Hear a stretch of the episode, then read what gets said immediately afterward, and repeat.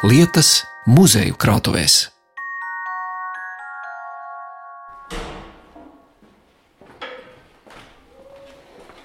Šoreiz mēs nerunāsim krājumā, bet mēs skatāmies uz ekspozīciju. Jā. Bet ekspozīcija, kā zināms, sastāvda no liela daļa krājuma priekšmetu. Šeit arī var redzēt daļu no tām pudelēm. Arī šeit ir tās minerālu ūdens pudeles. Tas izskatās pēc kaut kā ļoti zināmā. Jā, pēc melnā balzām, bet es saprotu, te būs cits stāsts. Vecrīgā Raharda Vāgnera ielā 18. gadsimta celtā namā aiz rokoko stilā rotātām durvīm jau vairākus gadu desmitus ir ierīkots farmācijas muzejs. Te šoreiz uzklausīsim stāstus par minerālu ūdeņu vēsturi, no Vācijas kurortiem importētiem līdz pašmāju dziedinošajiem dzērieniem. Iepazīsim ceļojošās aptiekas izskatu 19. gadsimta otrajā pusē un papriecāsimies par medikamentu klāstu Latvijā 20. gadsimta 30. gados. Un citas starpā uzzināsim, kā savulaik iezīmēja farmācijas pudeles toksiskām vielām. Muzeja speciālists Elviks Kabucis pieved mani pie stenda, kur rindojas brūni dzeltenos toņos cilindriskas māla pudeles. Jā, tik līdzīgas formas, kādās šodien pilda melno balzāmu, taču savulaik tās ir atceļojušas no dažādiem Vācijas kurortiem, pilnas ar minerālu ūdeni. Tas ir ūdens, kas ir ārstniecisks. To izmantoja senajā Grieķijā, kā ārstniecības līdzekli, bet tas uzplauka Eiropā tieši 18. un 19. gadsimtā, kad ne tikai brauca uz kurortiem ārstēties cilvēki, bet arī pildīja krūkās un veda uz citām zemēm. Un tāpēc arī mums Latvijā ir diezgan iespaidīgs atradumu klāsts ar tieši šīm minerālūdens māla pudelēm. Tā, un jūs šobrīd eh, rādāt, radio klausītāji to nevar redzēt. Protams, viņi var atnākt uz muzeju un apskatīt uz garanām no bieza māla glazētām krūkām, kas ļoti, ļoti līdzinās melnā balzām tām māla pudelēm. Tieši tā. Bet kā var zināt, lūk, ka šīs ir minerālu ūdens pudeles? Tātad minerālu ūdens pudelēm parasti bija iespiests virsū uzrakstīns vai cipariņš vai burbuļu kombinācija no tā, no kurienes tas ir nācis un kas tur ir iekšā. Un, e, interesanti, ka Droši vien, ka cilvēki zina tādu vārdu kā zelteris, un ka tas ir nācis tieši no minerālu ūdens, ka zelteris varēja nopirkt gāzētu minerālu ūdeni, kas reāli bija ārstniecisks dzēriens, kuru lietoja ne tikai ārstnieciskos nolūkos, bet arī kā labu dzērienu. Tad tas nebija vienkārši gāzēts ūdens. Viņš tautā aizgāja par to. No sākuma tas bija oficiāls no konkrēta avota nācis ūdens, bet tautā aizgājis, kad lietoja, ka zelteris bija vienkārši kā gāzēts minerāls ūdens. Jā. Par zelteri sākotnēji dēvēja dabisko gāzēto minerālu ūdeni, kas jau kopš bronzas laikmeta tika uziets Vācijā, Hesenas zemē, Nīderselteres avotos. Kā Jēlgavas Mākslas un vēstures muzeja interneta vietnē raksta vēsturniece Inese Deksne, tad Zelteri pirmo reizi rakstītajā informācijā min jau 772. gadā. No jauna pie Zeltera tēmas atgriežas 16. gadsimtā, ka tiek aprakstītas tā dziedinošās īpašības. Zelteris ar viegli sāļo garšu un augstu ogliskābās gāzes saturu bija ieteicams pie elpošanas ceļu un gremošanas trakta saslimšanām. Par preci tas kļūst 18. gadsimta 80. gadu beigās, kad pildīts māla pudelēs, tas tiek tirgots ne tikai Vācijas teritorijā, bet pamazām arī pārējās zemēs bet Elviks Kapucis turpina stāstu par minētā ūdens pudeļu izgatavošanu. Visas gatavotas Vācijā no ļoti augstā temperatūrā apceptiem māliem, un tā glazūra arī esot no sāls glazūras veidot. Un viņas taisīja arī ļoti īpaši ciet, lika iekšā metāla korķīti, kur lika pēc tam darbā, un pēc tam vēlreiz lika darbā. Tā lai pilnībā nekas nenāk laukā no viņas nekādā veidā. Un tā kā viņas tas biezums un izturīgums, tad viņi varēja arī viegli transportēt, relatīvi viegli, lai nekas nesaplīst un nesabojātos. Es skatos, ka tilpums ir viens litrs. Esmu uzminējusi, vai gan drīz. Tu viņa tas tilpums, tas tā laikam ar vienībās gandrīz sasniedza litru. Tā kā, nu, plus vēl tas ūdens atšķirās, kā redzams, pēc izmēriem, atkarībā no kurš laika periods, jo no sākuma viņas bija platākas, un tad laika viņas pieņēma šo cilindrisko formu, un tas osīt arī no sākuma bija izteikti lielāks, un pēc tam jau kļūst tā, ka tikai vienu pirkstu var paņemt turēt. Bet tās pudeles ir ļoti smagas, man šķiet, ir bijušas. Tad droši vien vests ratos, zirga jā. vilktos. Tas ir tas fascinējošais, ka nu, tas ir tikai viens litrs ūdens. Un viņi tomēr transportē simtiem tūkstošiem kilometru attālumā, lai tikai dabūtu šo ārstniecisko līdzekli, lai mēģinātu uzlabot, saglabāt savu veselību. Jo minerālūdeni lieto gan iekšķīgi, gan ārīgi. Un atkarībā no kura avota tu ņem, var dabūt dažādus efektus. Ja viens palīdz, teiksim, elpošanas problēmām, cits atkal palīdz iekšējām, tur žultī vai gremošanas traucējumiem un tam līdzīgi. Turpinot citēt Jēlgavas muzeja vēsturnieces Ineses Deksnes apkopoto materiālu par zelteri, uzzinām, ka 19. gadsimta 60. gados Krievija atteicās no tā importa. Dabisko minerālu ūdeni zelteri aizstāja ar mākslīgo. To sāka gatavot rūpnieciski.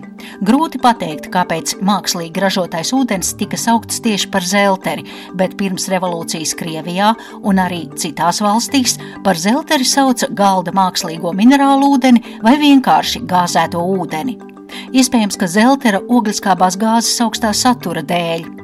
Šis dzēriens bija ļoti izplatīts un populārs arī Latvijā. Zeltera ražošana neprasīja lielus ieguldījumus. Destilēts ūdens ar sodu vai pat bez tās ar pievienotu vārāmo sāli vai arī ne, piesātināts ar ogliskābo gāzi, tika iepildīts pudelēs. 20. gadsimta 20. un 30. gados zeltera cena bija vidēji 10 centīmi par pudeli. Citāta beigas un mēs turpinām lūkot minerālu ūdens ceļus Latvijā. Par šiem minerālu ūdeņiem un viņu pudelēm mums ir arī tās nākošo evolūcijas soli, kad viņus nevis glabāja māla pudelēs, bet gan glabāja šādos stikla pudelēs ar sifonu. Stikla karafe un augšā tur ir metāla tas sifons, un tā te ir rakstīts 1835, tas pārējais ir pabalējis tas uzraksts. Jā, bet Kas var, tur ir? var salasīt apakšu. Vērmanes, vērmanes dārs Tieši tā. No turienes nākus šī pudele.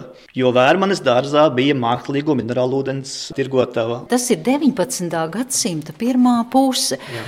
Tur šādās pudelēs arī pildīja un Jā. pasniedza Varēja uz klientiem. vietas dzert, varēja arī dabūt mājās. Un viņš bija nu, diezgan ilgi, pat vēl pirms padomu laikiem, diezgan aktīvi darbojās. Un tas bija īpaši vieta ar to, ka šī bija pirmā vieta, kurai varēja iegādāties mākslīgo minerālu ūdeni. Tātad ūdens, kuram pievienoti sāļi. Tā kā minerālu ūdeni atzina par labu esam, tad gribēja, lai arī parastiem cilvēkiem, kas nav bagāti, būtu pieejams šis labums. Un tāpēc izdomāja, ka tas vajadzīgs tieši Vērmanes dārzā, jo Rīgas ķīmiķu un farmaceitu biedrība nolēma to, ka vajag sniegt arī parastiem cilvēkiem šo labumu. Tāpēc arī tā kā Dārvids Hirnims Grindēls bija pētījis Baltijas floras un ķemēru sēravotu avotus un viņu ķīmisko analīzi, tad nolēma, ka vajag nu, arī Vērmanas dārzā šo te mākslīgo minerālu ūdens tirgošanu. Un interesanti, ka ja Vērmanas dārzā varēja kādu brīdi nopirkt arī radioaktīvu minerālu ūdeni. Kā mēs zinām, bija periods, kad radioaktīvos līdzekļus izmantoja plašā ārstniecībā. Es domāju, ka tas ir unikāls palīgs visam. Un arī varēja nopirkt šo minerālu ūdeni, kas bija radioaktīvs. Tā viņi arī sauc par radiosolu. Radiosoli, jā. Jā. Kur izmantoja akūtu locekļu, reumatismu, podagras un dažādu vielmaiņas traucējumus slimību ārstēšanai. Nu, pirms 90 Jā, gadiem, plus 31. mīnus. gads, Jā. tad patentēja šo radioaktīvo ūdeni. Un 20. un 30. gados varēja vairāk nopirkt vairāk kā 60 mākslīgā minerālu ūdens šķirnes. Pārlapojot tā laika preses izdevumus, redzam, ka radioaktīvie izstrādājumi veselībai tiek reklamēti kā atbilstoši līdzīgiem ārzemju ražojumiem, un šī veselīgā radioaktivitāte ir medicīniski izpētīta. Bet atgriežoties pie Vērmanas dārza pirmsākumiem 19. gadsimta 30. gados, tātad kā Elviks Kābucis minēja, pilsētas medicīnas valde ierosināja projektu Rīgā Vērmanas dārzā ierīkot īpašu iestādi, kurā pagatavotu un publikai pārdotu minerālu ūdeņus, kas būtu gatavoti no veselības ūdeņu dabiskajiem sāļiem.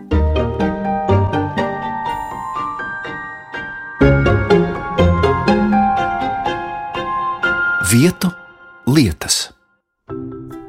Ejam tālāk iepazīt farmācijas muzeja priekšmetus, un Elviks Kabucis, runājot par aptiekām, pieved mani pie palielas koka lādes. Tā, jūs man rādāt, es teiktu, jūrnieka lāde. Tieši tā. Plakana, Apkalta. ne pārāk augsta, apkalta. Galma aptiekas kaste. Krievijas impērija 19. gadsimta beigas. Nu, lūk, tagad ir aplūkota ārpuse, tad iekšpusi paver citu ainu. Un te rindām saliktas vienādas stikla pudelītes, un uz katras no tām latīņu valodā uzraksts, es saprotu, ar dažādām zāļvielām. tieši tā. Tātad šī ir ceļojuma aptieciņa galvenā ārstam. Un tā kā parasti tie, kas galvenā darbojās un dzīvo ceļu apkārt, ne jau vieni paši, bet ņem līdzi gan savus draugus, ģimeni, kalpus noteikti, dažkārt pat arī daļu no armijas, tad nu, šim galvenā ārstam ir jāved līdzi ratos šādu milzīgu lādi, lai viņus varētu ārstēt. Un šis ir milzīgs, smags priekšmets, kurš te var teikt, ka viena līmeņa, viņam ir vēl divi līmeņi tikpat uz leju. Tad te ir Re, trīs stāvi. Bet, nu- Ā, tur malā, un ja mēs saskaitām 1, 2, 14 rindās, 1, 2, 3, 5, 6, 7. 14 rindās, katrā rindā pa septiņām pudelītēm, trijos stāvos. Te jāņem palīga aritmētika, un tad mēs varam izrēķināt, cik tas sanāk to zāļu vielu. 14, 798. Bet nu, es saprotu, tagad jau, protams, tās uzlīmes ir drukātas šodien, bet kā, kā jūs zinājāt, veidojot šo eksponātu, ta- kas tās pa vielām ir bijušas? Nu, te ir pielasītas tās vielas, kas ir pieejamas, lai viņas iedarētos gan pēc izmēra, gan tematikas šajā lādē. Protams, ka tas nav oriģināls lielāko daļu tās pašas pudelītes. Bet nu, tas princips ir akurāts, kāds viņš ir bijis. Mēs varam arī paņemt kādu no kā saplūkot. Standarta aptiekas trauks. Kādi 200 grāmi te varētu, ja šādā pudelītē. Varbūt, jā. Valeriāns, piemēram. Tātad te mēs redzam, jā, kur ir uzraksts Valderiāns. Nu, es saprotu, ka tas, kas šodien ir aptiekā uz vietas, visas šīs sastāvdaļas, ko tad, kad gatavo recepti, to visu sajauc kopā, bet šeit viņš visu, jā, viņam bija jāvadā līdzi Jā. katrā pudelītē savas sastāvdaļas. Tieši tā, nu, lielākoties. Protams, gan jau arī bija gatavi preparāti. Cinka oksīds, magnēzijas, kalcijs. Nu, es saprotu, te visu meģeļēju tabulu atrodam. Un kā tieši ir zināms, jā, ka šāda lāde nāk no 19. gadsimta vidus. Manuprāt, pat ir etiķeti. Ak, jā, lūk, tā ir saglabājusies. Prīdvornājā, Jevo veļičestva. Tā tad galma, viņa augstības galma aptiek numur trīs. Šāds esot, ja varam ticēt no tiem avotiem, kas ir man zināmi, tad šādas ir bijušas četras lādes Krievijas impērijā. Viena no šīm lādēm ir pie mums. Un, ja var ticēt tam, ko tur rakstīts, ka, ka tie visi strādājošie caur impērijā esat zinājuši pilnīgi visu sastāvu, kas šīs lādēs ir no galvas. Nu, tā kā no ABC būtu jāzina. Vai tas ir patiesi vai nē, tas ir cits jautājums. Nu, es domāju, jebkuram apniekam šodien, ja pajautā, viņš jau arī teiks, kas tajā plauktā ir tas un tajā ir tas. Nu, jā, Tā noteikti. būt. Bet vai zināt, kas ir cita aptiekas arsenālā, jebkurš cits aptiekārs? Nu, ja šī ir iespaidīgākā, lielākā aptieciņa, tad mums ir arī citi interesanti aptieciņas piemēri. Piemēram, šī. Uzmetot skatu, es teiktu, ā, tā ir kāda 18. un 19. gadsimta dāmas rotas lietu lādīte. Kurpju kastes izmērā no tumša koka, krāsota, atver vaļā durvis, un tur ir iekšā 1, 2, 3, 4, 5, 6, 7. Tādas nelielas atvilktnītes skaitā desmit. Jā, tas jau ir odziņa šī priekšmeta, jo viņas primārā funkcija ir iedarēties interjerā. Smuki jāizskatās istabā, lai pielāgotos pārējām mēbelēm. Un tikai sekundārā funkcija, lai viņā glabātu zālītes un kaut kādus medikamentus ikdienai.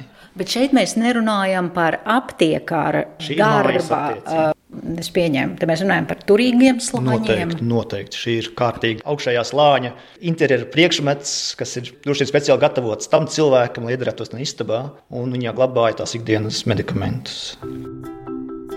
Turpinām ceļojumu aptieku vēsturē, un nākamā pietura ir pie vitrīnas, kur glabājas pagājušā gadsimta 30. gadu Latvijas aptieku klāsts. Un viņi ir interesanti ar to, ka tie nosaukumi ir izteikti radošāki nekā mūsdienās. Kamēr jūs Elvika stāstījāt, es tikmēr skatos uz mazu kārbiņu, kas pirmajā brīdī man šķita tā ir pūdernīca, bet tur uzraksts vēstī. Kaps, žurku un peļu inde. P. Putniņa laboratorija Rīgā Matīs ielā 21 ar miroņu. Žurku un peļu inde kaps. Nu, lūk, aptiekās ne tikai zāles varētu nopirkt, bet arī citas sadzīvē vajadzīgas lietas, to skaitā arī parazītu indes. Un lūk, te ir tas radošais nosaukums šajā gadījumā, tas ir žurkām pelēm kaps, bet ir arī, piemēram, zāles, ar ko ārstēt klepu ar nosaukumu valdonis, Gēgingera kompānija ražoja klepa apkarošanai valdonis Rīgā sporta ielā divi. Tas ir tur, kur tagad ir eh, staburādze. Cik skaistas tās kārbiņas, un te mēs runājam par pašmāju ražojumiem. Kā viss ir noformēts, te arī pūderis Tā aptiekā varēja arī skaistumkošanas līdzekļus nopirkt, arī smaržas un citas sadzīvē vajadzīgas lietas. Vai atkal pret žurkām, pasta pret mājas un ūdens žurkām, cēlijo. Un tādas trīs žurkas aiz astēm piekārtas pie tiem burtiem cēlijo.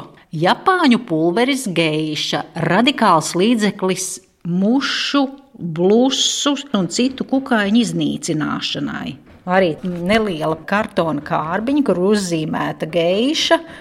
Un tā geiša ar vēdeklīti dzenā prom kukaiņus.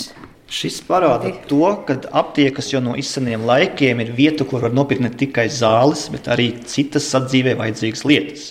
Ne tikai tāpēc, ka viņas ir ērti vienā vietā nopirkt visas, bet arī tāpēc, ka aptiekā bija teicami ķīmiķi, viņi spēja paši pagatavot šīs lietas. Nu, mēs ziepes te redzam, jā, jau tos pašus pūderus. Tos zobu pulverus, kā jau minēju. Pievēršoties konkrētāk minētajai Pētera Putniņa laboratorijai un skatot 20. gadsimta 30. gadu preses izdevumus, redzam, ka šajā uzņēmumā ražoja farmaceitiskos, ķīmiskos un kosmētiskos produktus. Amizanti skan reklāmas, kurās tika daudzināti Putniņa laboratorijas ražojumi. Piemēram, laikrakstā pēdējā brīdī 1933. gadā lasām šādu tekstu. Ģeniālais franču karavadonis Napoleons savā laikā uzvarēja visus savus pretiniekus, izņemot peles un žurkas. Tās tukšoja viņa armijas pārtikas noliktavas, izgrauza kareivju sedlus un zābakus, jo toreiz vēl nebija izgudrots putniņa ķīmiskās laboratorijas nepārspētais žurku un peļu līdzeklis. Tāpat tolaik avīzēs un žurnālos reklamēja arī putniņu kosmētiskajā laboratorijā ražoto papeļu, eļļu un papeļu breolīnu matu stiprināšanai un spīdumam. Varam arī atrast tekstus par plaši pazīstamo zāļu tēju berbasānu, līdzekli pret gonoreju, gonopirīnu, hemoroīdu ārstēšanai medikamentu barzolu un citus šajā laboratorijā ražotos medikamentus. Turpinājumā kopā ar farmācijas muzeja speciālistu ar nelielu smaidu par medikamentu nosaukumiem turpinām pētīt aptuveni 90 gadus senu aptieku produkciju. Galvas sāpēm, citro vanille. Tas nāk no um, Frankfurtes, bet izgatavots, es saprotu, pēc Frankfurtes receptes Rīgā Ausekļielā 16. Ja. Tad ir ļoti interesanti. Tas parasti izraisa sajūsmu apmeklētājos, ka varēja iegādāties zāles, ar ko ārstēt varžacis ar nosaukumu vampīrs. Varžacu sūcējs. Vampīrs. Es skatos uz tādu kāršu kavas lieluma papīra kastīti, sarkanā un zaļā krāsā uzraksts vampīrs. Rakstīts, ka tas ir izgatavots Mālpils aptiekā. Ķūze saldumu ražotājs arī ir izgatavojis eikaliptus mentola konfektes eitola pret klepu un aizsmakumu, alumīnija kārbiņa. Samta krēms skaistuma kopšanai, neliela apaļa alumīnija, buļģiņa, tumši zila, nagu pulveris odalīna, radikāls līdzeklis pret hemoroīdiem, barzola, aizsarga tabletes pret gripu, 40 tabletes, kastīte sērkociņa kārbiņas lielumā, algezīns, spazmīns, dražējies ļoti, ļoti mazas. Tādas, katras tās zāles, ja tagad mēs to saucam par blisteriem, ir iepakotas, toreiz tās ir bijušas pārsvarā mazītiņas kartona kārbiņas, kastīte. Vai nu arī, jā, kā mēs te redzam, no, no alumīnija apaļas kārbiņas. Nu, šis jau ir ļoti smukas un profesionāls, bet ir arī amatieriskāki veidojumi, kur lika iekšā zāles, un tur to var redzēt šeit šādās rūktaisītās kārbiņās. To gatavoja tad konkrētās aptiekās uz vietas. Jā. Tieši tā. Stikls un papīrs, bet arī ļoti skaists. Lūk, te ir tie uz tā kārbiņas vāka reliefā iespiesti burti. Nu, te parādās, kādās, ah, kā, kā iepakot šīs zāles, bet var redzēt, ka arī mums ik pa laikam arī apmeklētāji nāk, kur saka, jā, es bērnībā arī palīdzēju saviem vecākiem taisīt šīs tās buļģiņas vai kārbiņas, kurās lika iekšā zāles pēc tam. Tā kā tas arī cilvēku atmiņās vēl joprojām ir dzīvi. Šķiet, vēl joprojām šodien arī aptiekā pulverus var nopirkt tādos četrkantīgos salocītos papīra aploksnītēs. Te tās pudeles jau arī izskatās tā kā tādas smaržu pudelītes, Jā. arī ir katrai savs dizains. Tik tālu ieskats Latvijas pirmās brīvvalsts laika aptiekās, bet noslēgumā Ilviks Kapucis piedāvā stāstu par īpašām pudelītēm, kuru forma palīdzēja orientēties to saturā. Es jums varu parādīt to, kas nav krājumā. Tas ļoti interesants vēsturisks stāsts. Stāsts ir par indēm. Tā, jūs paņemat divas nelielas, tumšas, brūnas stikla pudelītes. Stāsts ir tāds, ka aptiekās vajag indas, protams, no kurām gatavot zāles. Bet tā kā viņas vajag mazāk nekā citas medikamentus, viņas ir mazākos daudzumos vajag. Viņas parasti lika mazākās pudelītēs. Un te var redzēt daļu klāstu no tiem traukiem, kuros iekšā bija indīgās vielas mums. Un te var redzēt, ka viņi ir miniaturizēti. Būtībā tā kā leļu rīki izskatās. Bet viņi bija nopietnām, indīgām vielām iekšā. Katras krāsa kombinācija un simbolu apzīmē kaut ko citādāku, plus vēl brīdinājums zīmes, ka nedzert, nēst, ārīgi, inde, nāve.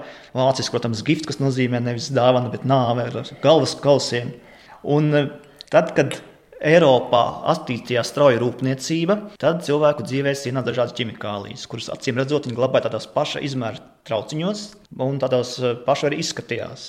Un acīm redzot, cilvēki nereti arī paķēra nepareizo trauciņu, vai nu naktas laikā, vai arī nav brilles uzliktas, vai kas cits. Un acīm redzot, arī saindējās. Un tas bija gana liela problēma Eiropā, ka tas bija jārisina. Un tad rūpnieki ar aptiekāriem šo problēmu atrisināja ļoti radošā veidā.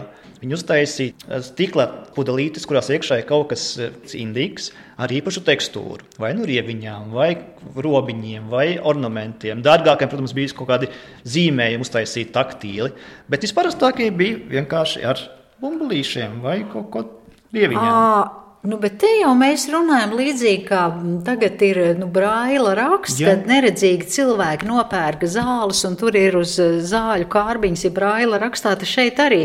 Es naktī paņēmu mazu pudelīti, es jūtu tādi tādas pumpiņas viscaur, tātad te droši vien ir arsēns, to mēs nedzersim. Mm. Vai otrs, te ir atkal tāds rūtojums, rieviņas, jā, un ja. te ir, nu kā mēs te varam lasīt, arsēns, amonija, benzoīts, kodeīns chloroforms.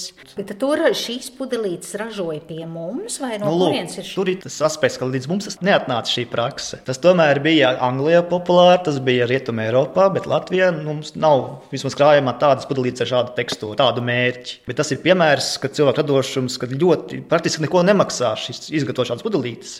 Bet tāpēc, lai atvieglotu cilvēkiem dzīvi, viņas tika ražotas. Tad šīs ir iegūtas eh, muzejā krājumā no, no Lielbritānijas, Jā. no citām Eiropas valstīm. Mēs runājam par pagājušā gadsimta. Pagājušā gadsimta vidus. Tas jau aizsākās izteikt ātrāk, vienkārši nu, tas ir, mums ir iegūts tāds, bet tas jau sākās jau ar 900. gadu, tas ir 200 gadsimta sākumu. Tāds bija ieskats farmācijas muzeja ekspozīcijā un krājuma priekšmetos, stāstos par minerālu ūdeni, dažādu laiku aptiekām un indes pudelītēm. Paldies par šo ekskursiju, saku farmācijas muzeja speciālistam Elvigam Kabucim. Raidījumu veidoja Zane Lāce Baltāksne. Vietu lietas.